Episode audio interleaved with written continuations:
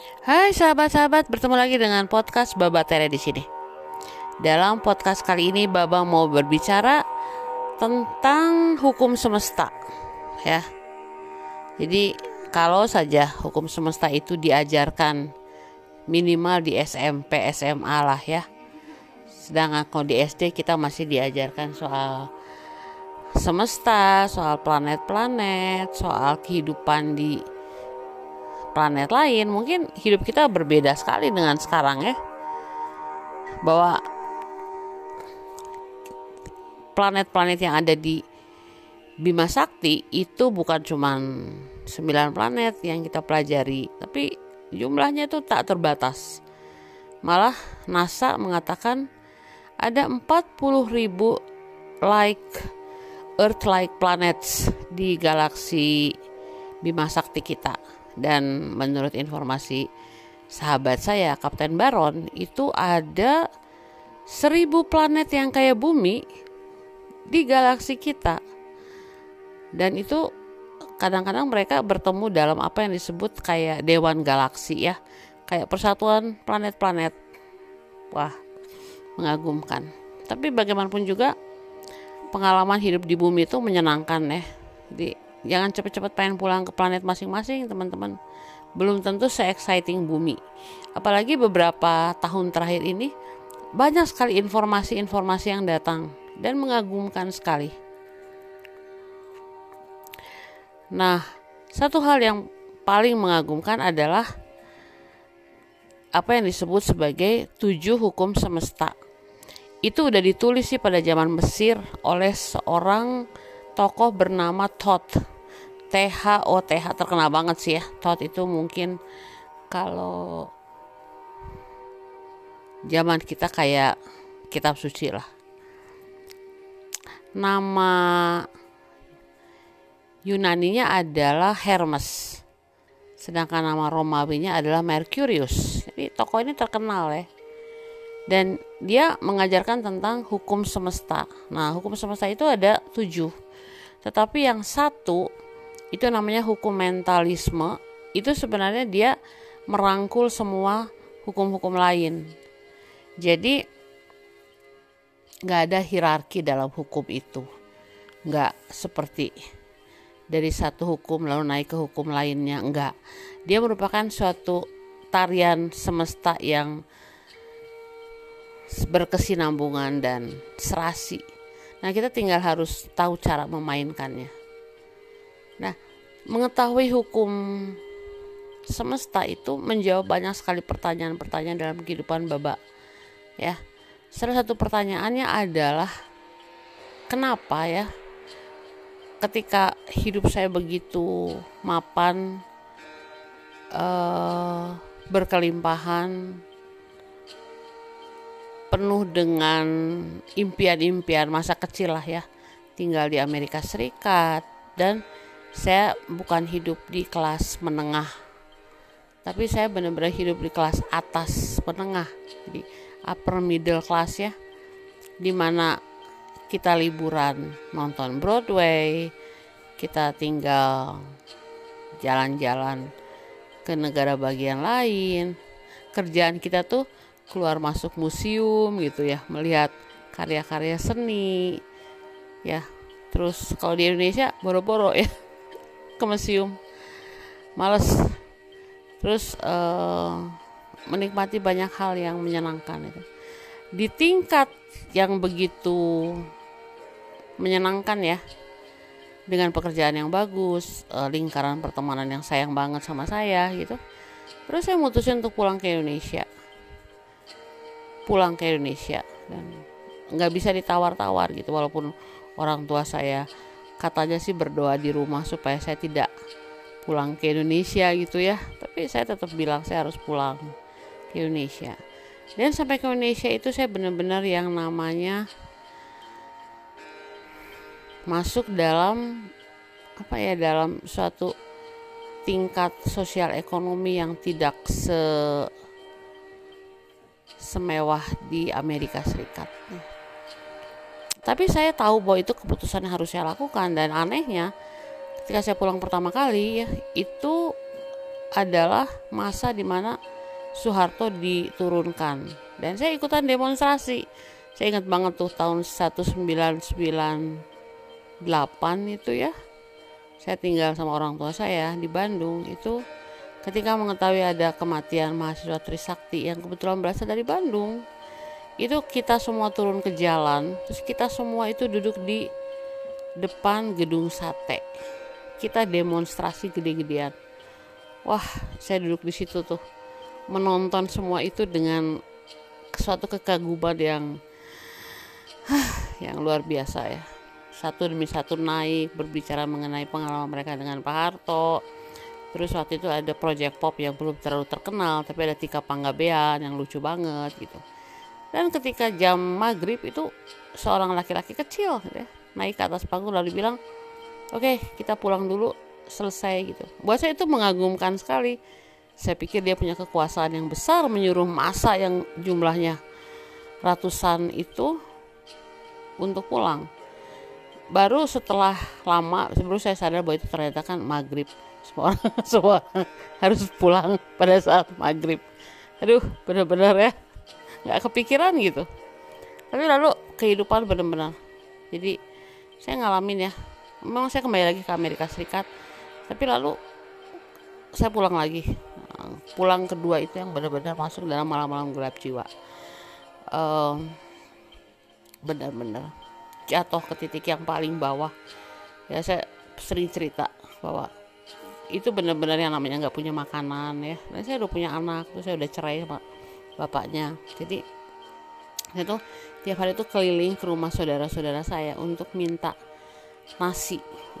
Kadang-kadang saya nggak makan saya siapin nasi itu untuk anak saya. Dan karena saudara-saudara saya hidup berkelimpahan maka lauknya juga pasti enak gitu ya. Jadi syukurlah anak saya nggak mengalami kemiskinan yang mendera. Itu kan saya ingat saya benar-benar yang kadang-kadang saya harus jalan turun dari rumah saya di atas bukit ke jalan utama itu ya. Jalan lalu pulangnya nggak ada uang jadi naik lagi jalan lagi. Wah saya sehat banget tuh tahun-tahun itu. Tapi itu menjadi suatu pertanyaan gitu kok saya mau ya meninggalkan sesuatu yang begitu mapan dan makmur masuk dalam suatu lingkaran uh, kegelapan dan kemiskinan gitu. Nah ternyata teman-teman yang menjawabnya adalah hukum vibrasi.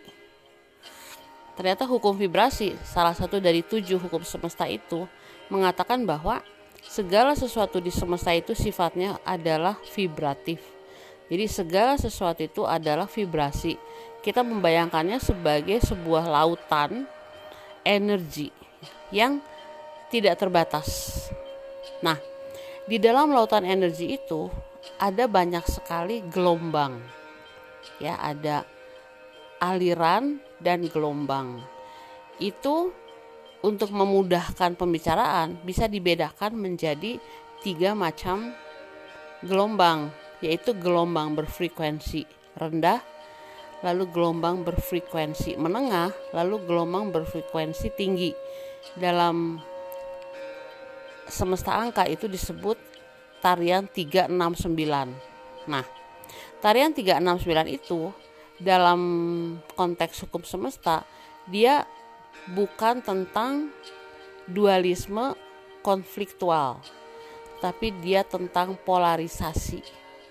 Jadi teman-teman, polarisasi itu adalah hukum yang keenam. Polarisasi itu mengatakan bahwa semesta itu dia mempunyai aspek-aspek. Polarisasi yang paling gampang itu adalah kalau kita membayangkan sebuah lingkaran yang terdiri dari 360 derajat. Nah, lingkaran yang sempurna itu 365 derajat, 360 derajat itu setiap sisinya itu sama dan sebangun dengan sisi lain jadi nggak ada pertentangan nggak ada konflik nggak ada pertikaian apalagi musuhan gitu ya jadi hukum keenam itu namanya hukum polarisasi. Hukum polarisasi itu lalu dihadapkan dengan apa yang disebut hukum dualitas. Nah, dualitas itu berbeda dengan polarisasi. Kalau polarisasi dalam suatu lingkaran yang sempurna dengan 360 derajat yang satu sama lain adalah seimbang maka dualisme itu dia merupakan uh,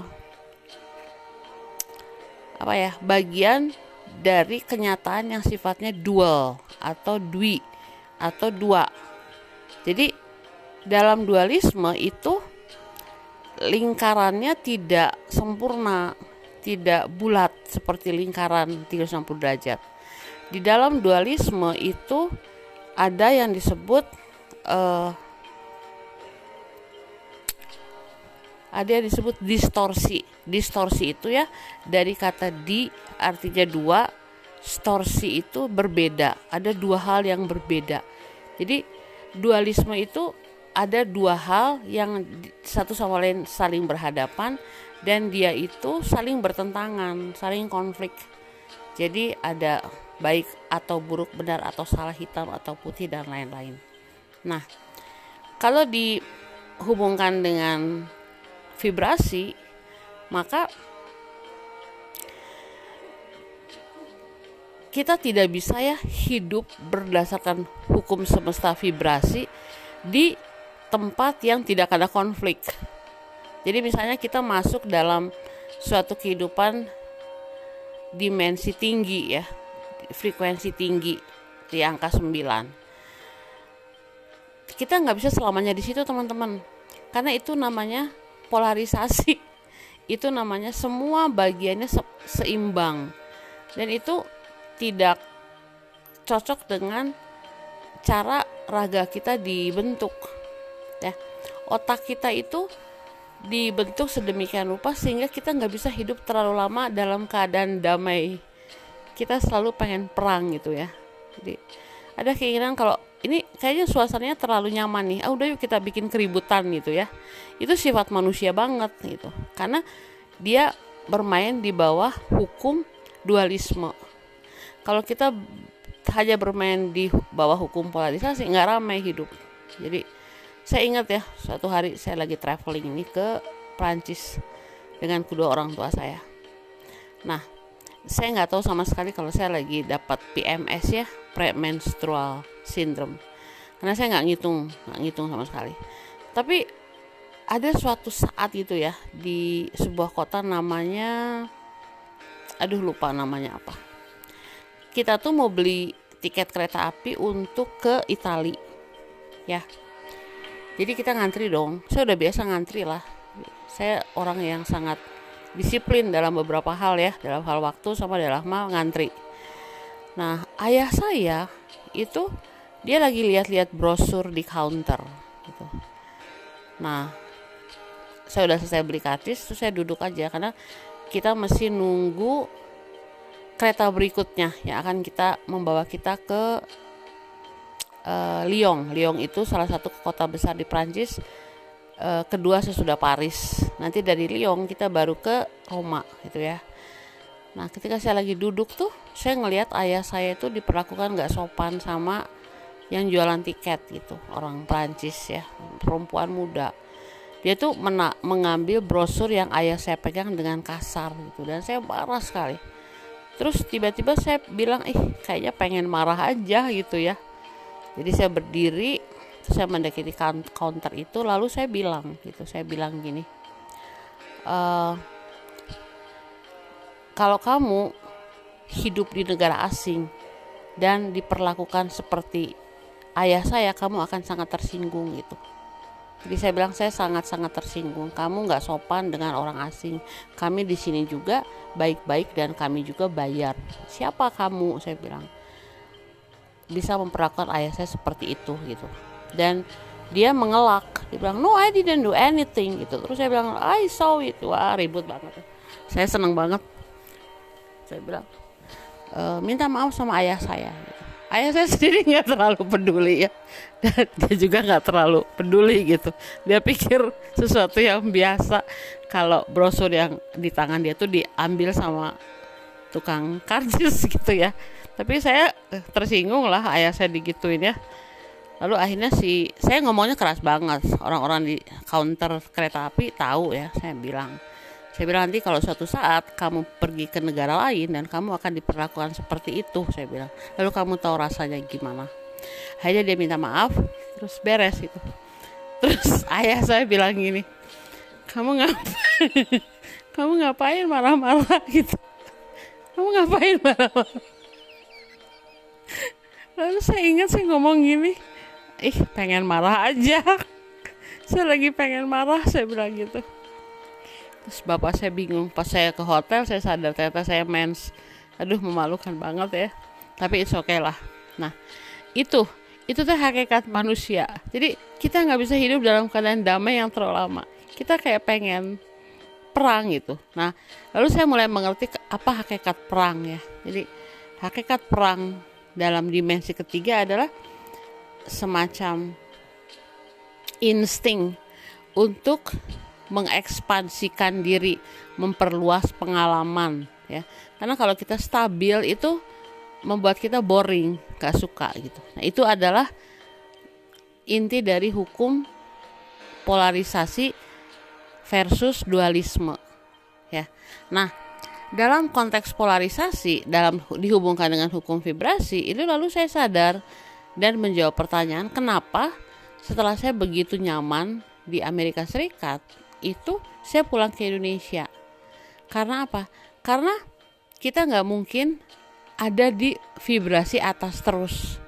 Nggak rame, bosen banget ya. Kayaknya hidup sempurna banget gitu ya. Aduh, kayak robot banget sih. Kerja. Nanti saya biasanya setiap seminggu empat kali itu berenang gitu ya. Kolamnya juga kayak kolam pribadi gitu ya nanti saya weekend jalan-jalan ke shopping mall dan lain-lain. Tapi itu bukan sesuatu yang uh, ingin kita pertahankan selama-lamanya. Hidup kayak gitu nggak rame. Nah, itu adalah hakikat dari hukum vibrasi.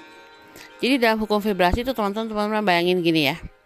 Kita memasuki sebuah wilayah uh, kota yang ada di kaki sebuah bukit. Nah, kalau kita masuk ke dalam kota tersebut, maka akan sulit melihat keadaan kota tersebut karena kita kan sejajar dengan kota tersebut. Maka yang harus kita lakukan adalah kita harus naik ke atas bukit itu, lalu kita melihat dari atas bukit itu bagaimana keadaan di bawah. Tapi kita nggak bisa tetap tinggal di atas bukit itu nggak bisa. Mau apa di atas bukit itu ya? Nggak ada kota nggak rame itu. Nggak bisa. Jadi kita punya keinginan untuk turun. Nah itu sama dengan hukum vibrasi. Jadi di satu poin dalam kehidupan kita kita harus naik ke tingkat vibrasi yang paling tinggi. Kita harus bisa naik ke angka 9 kita harus bisa naik ke frekuensi kesadaran tinggi Lalu dari situ kita melihat keadaan di bawah, keadaan situasi di frekuensi yang lebih rendah, yaitu frekuensi 6 atau emosional dan frekuensi 3 atau raga. Lalu kita turun, teman-teman, kita turun. Lalu kita menjalani frekuensi rendah itu. Lalu kita pindah ke frekuensi medium. Lalu kita berkutik di frekuensi-frekuensi bawah itu karena kita sudah pernah ada di frekuensi atas, di vibrasi atas, lalu tahu segala yang uh, terjadi di frekuensi bawah. Nah, hukum vibrasi mengatakan bahwa kita tidak bisa terus bertahan di satu posisi. Kita harus terus bergerak. Karena atom juga terus bergerak. Harus terus berjejaring harus terus menghemat energi, harus terus bernetworking. Seperti itu. Jadi hukum vibrasi itu sebenarnya sangat-sangat sederhana kalau dipikir-pikir ya. Berekspansi. Bahkan ketika kita berada di dimensi ketiga, dimensi yang sangat-sangat ragawi ya, itu kita sedang berekspansi. Kita bisa berekspansi pada saat kita berada di tingkat kesadaran yang rendah, tetapi kita memperluas radius pengalaman kita seperti itu.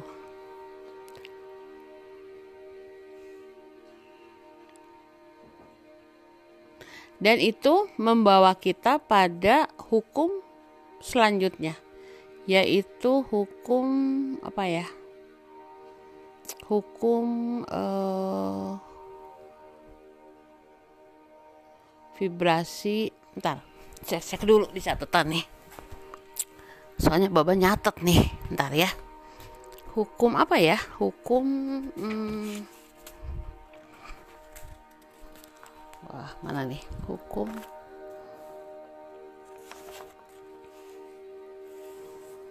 Ntar teman-teman. Hukum apa nih namanya nih? Hukum uh,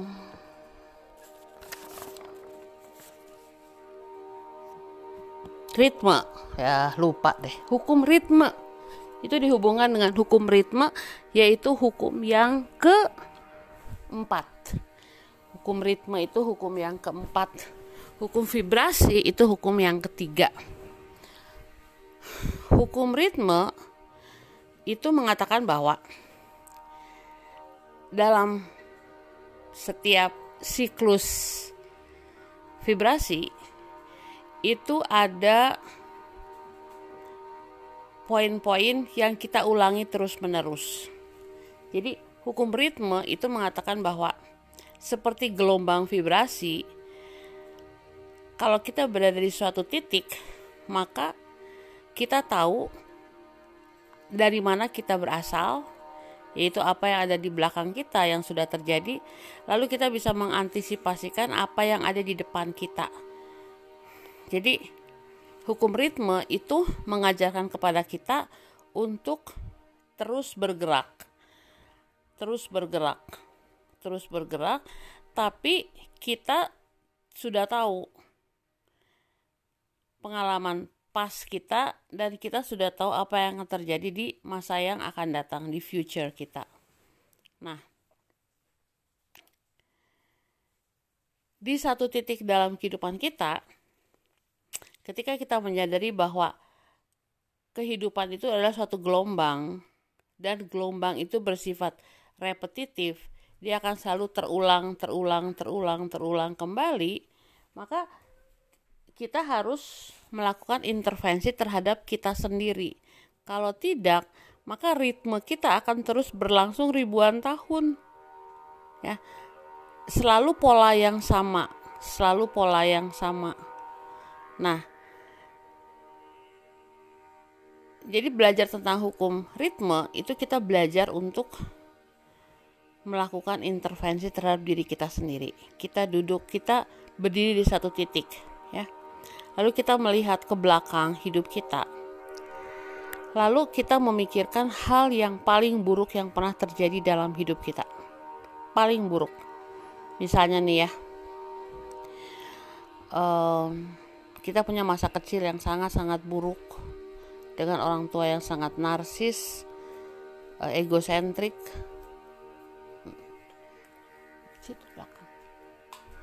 Uh, tidak available secara emosional dan lain-lain. Itu hal yang buruk banget buat kita ya. Tapi di satu sisi orang tua ini adalah orang tua yang memberi kita makan. Yang membuat kita mempunyai pakaian yang layak yang mengirimkan kita ke sekolah yang baik. Sehingga semua yang mereka berikan itu menjadikan diri kita sebagai kita saat ini.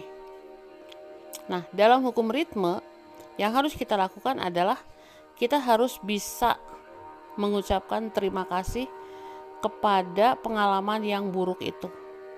Bahwa dalam keburukan itu ada hasil yang baik yang membuat kita menjadi diri kita yang sekarang.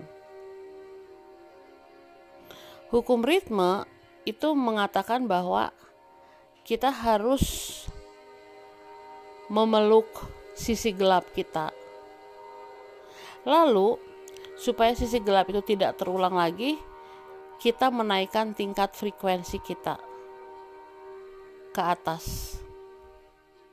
Nah, pada saat kita menaikkan tingkat frekuensi kita, karena kita udah memeluk kegelapan kita, dan tidak ada lagi sisi dendam, sakit hati, luka batin dan lain-lain, maka ketika kita naik ke tingkat kesadaran yang lebih tinggi ya dalam kurva ritme itu, lalu kita bisa mengubah hidup kita. Kita bisa menjadi penulis kehidupan kita sendiri. Kita menjadi kreator bagi kehidupan kita sendiri.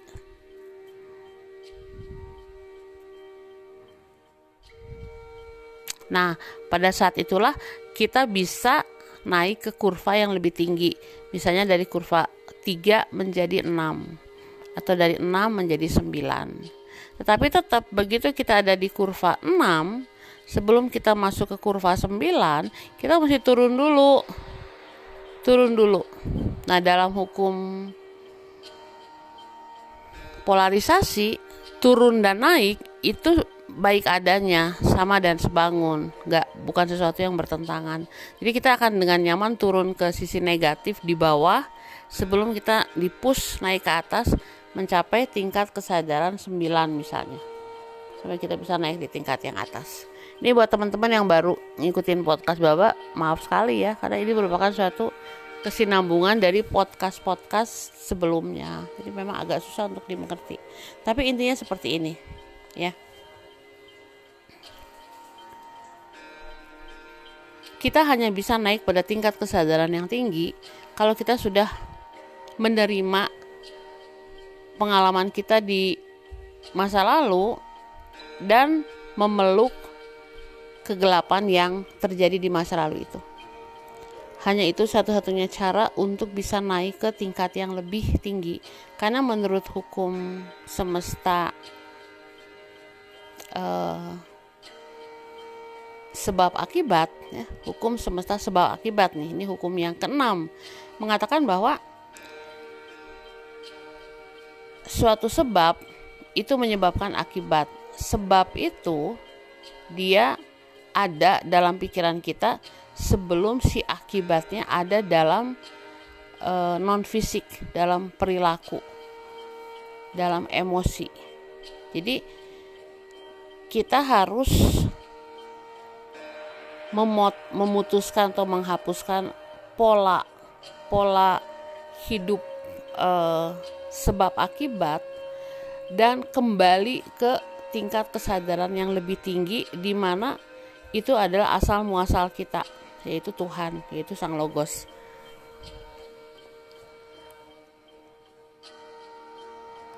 Jadi kalau kita lihat hukum itu ya, hukum semesta itu kalau kita jadikan suatu tarian dan setiap hukum itu adalah uh, musik yang mengiringi kita menari itu kita benar-benar menikmati hidup hidup tentu saja kalau teman-teman yang masih dalam posisi malam-malam gelap jiwa agak susah mengatakan hal ini tapi kalau sudah melewati semuanya lalu kita sadar bahwa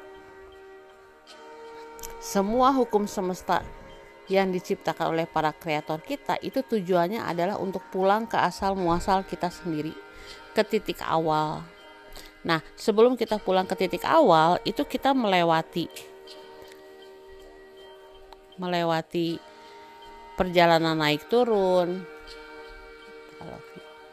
Perjalanan naik turun, pelajaran e, bosen pada saat semuanya menjadi stabil. Terus kita pengen keluar dari rasa nyaman itu masuk dalam ketidaknyamanan ya terus kita harus merangkul masa-masa gelap kita menurut hukum sebab akibat lalu kita akhirnya setelah merangkul semua itu kita bisa naik ke tingkat frekuensi yang lebih tinggi menulis kisah hidup kita karena sudah tidak ada lagi pertentangan. Kita sudah mencapai tingkat kesadaran polarisasi. Semuanya baik adanya. Setiap derajat dalam lingkaran itu baik adanya. Tapi sebelum itu, wah teman-teman, berperanglah, konfliklah, marahlah, berpetualanglah, masuklah dalam kegelapan. Tarikan, tarikan, uh, tarian ya, tarik, tarikan, tarian frekuensi rendah. Nikmati keberadaan dalam tubuh. Nikmati raga Anda, ya. Nikmati dimensi ketiga. Jangan cepat-cepat mau naik dimensi kelima. Untuk apa juga? Karena kalaupun akhirnya kita selesai eh, kita pengen cepet-cepet selesai terus kita pulang ya.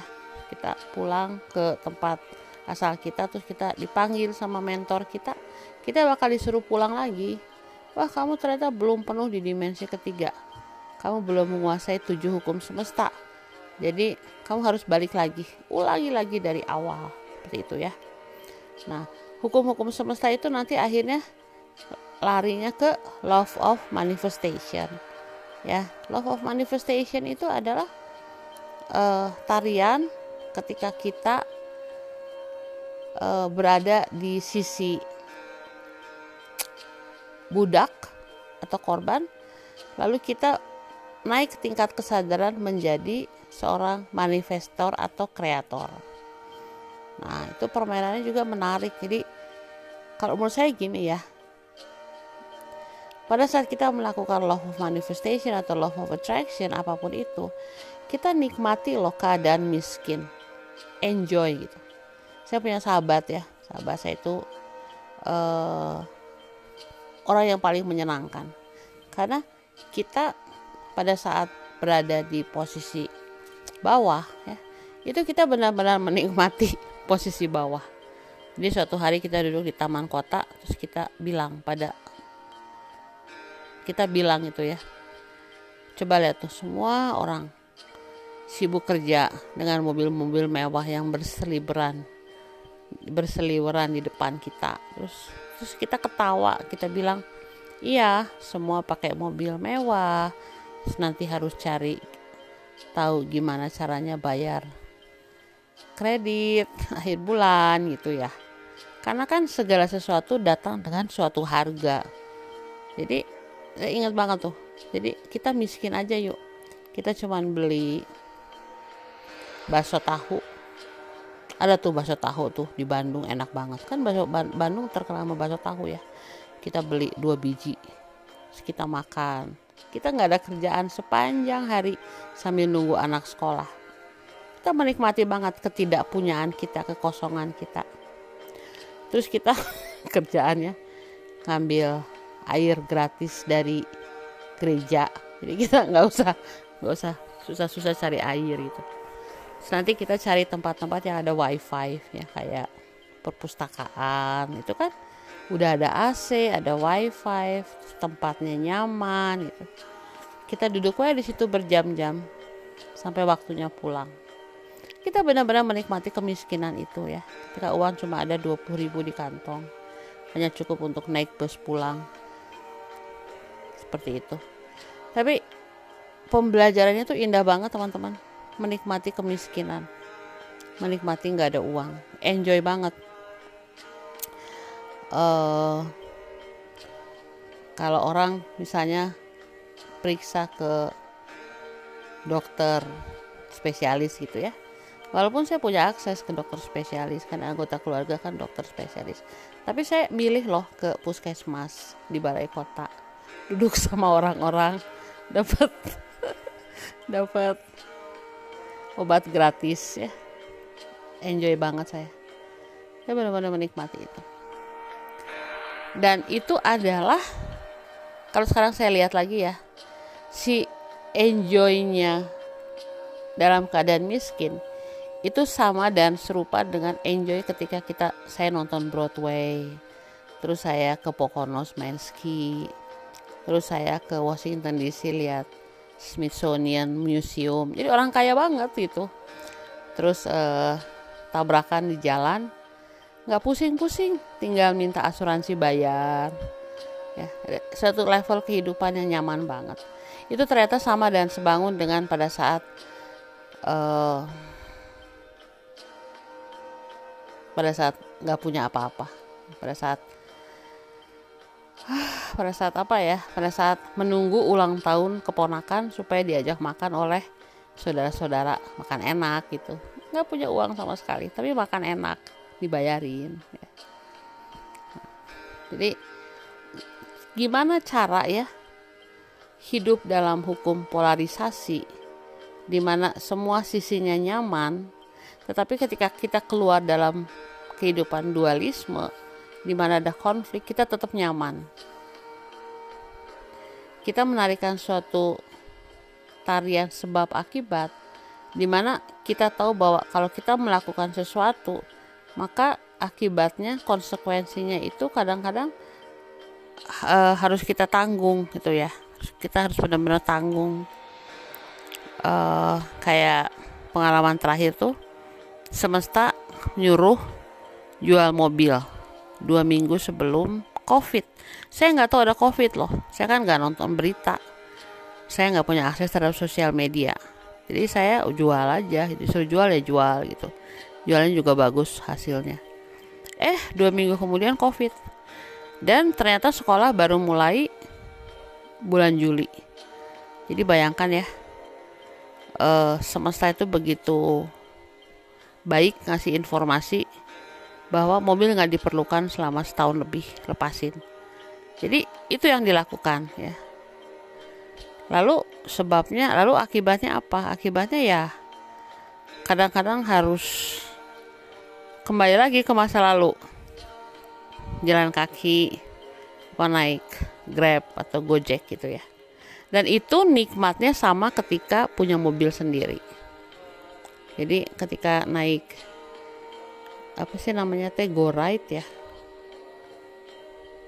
atau gokar apa pun itu nikmatnya sama ternyata dengan memiliki mobil sendiri. Jadi kalau kita udah sampai pada tahap itu dalam titik kosong nggak menilai lebih miskin lebih kaya lebih berlimpah lebih kurang itu hidup nyaman banget sebenarnya dan itu sudah ada di dimensi ke lima maka yang kita lakukan adalah kita menikmati tarian hukum-hukum semesta ini. Kita menari secara vibratif. Kita menarikan hukum kausalitas. Kita menjadi bagian dari suatu kehidupan yang polaritas tapi kadang-kadang juga yang dualitas konfliktual. Ya, pokoknya menyenangkan. Sangat-sangat menyenangkan. Dan semuanya ternyata hanya ada di pikiran kita. Karena hukum yang paling utama adalah hukum mind, mentalisme. Semua ternyata ada di dalam pikiran kita. Dan itu yang mengagumkan. Karena hukum mentalisme itu mengatakan bahwa apa yang kita lihat dengan mata kita itu belum tentu benar. Bayangkan ya. Jadi apa yang kita lihat itu adalah hasil dari prekonsepsi yang diberikan atau diwariskan oleh nenek moyang kita, lalu kita anggap itu benar, padahal itu belum tentu benar. Uh, seperti misalnya nih ya, kita diajarkan di luar itu ada matahari dan matahari memancarkan cahayanya kepada uh, semua makhluk yang ada di bumi. Tapi kalau kita melihat dengan kacamata mata ketiga, kita tahu bahwa di dalam diri kita juga ada matahari yang disebut solar plexus. Jadi ada matahari yang ada di dalam diri kita. Nah, kita diajarkan nih bahwa dari satu sinar putih yang ada di semesta itu ketika bertemu dengan air lalu akhirnya dia memancarkan 12 warna pelangi tapi untuk sekarang kita hanya tahu ada tujuh warna pelangi. Padahal ada 12 sih. Ada golden, ada magenta itu ya. Nah, yang kita tidak tahu bahwa apa yang kita lihat itu belum tentu benar. Tetapi kalau kita masuk dalam mentalisme, lalu kita belajar bahwa di dalam diri kita itu ada cahaya. Kita adalah cahaya di dalam diri kita juga itu ada air ya. Dia bisa ada di aliran darah DNA kita tapi kita itu 70% air. Jadi cahaya yang ada di dalam diri kita itu ketika dia menembus air yang ada di dalam tubuh kita dia memancarkan tujuh cahaya pelangi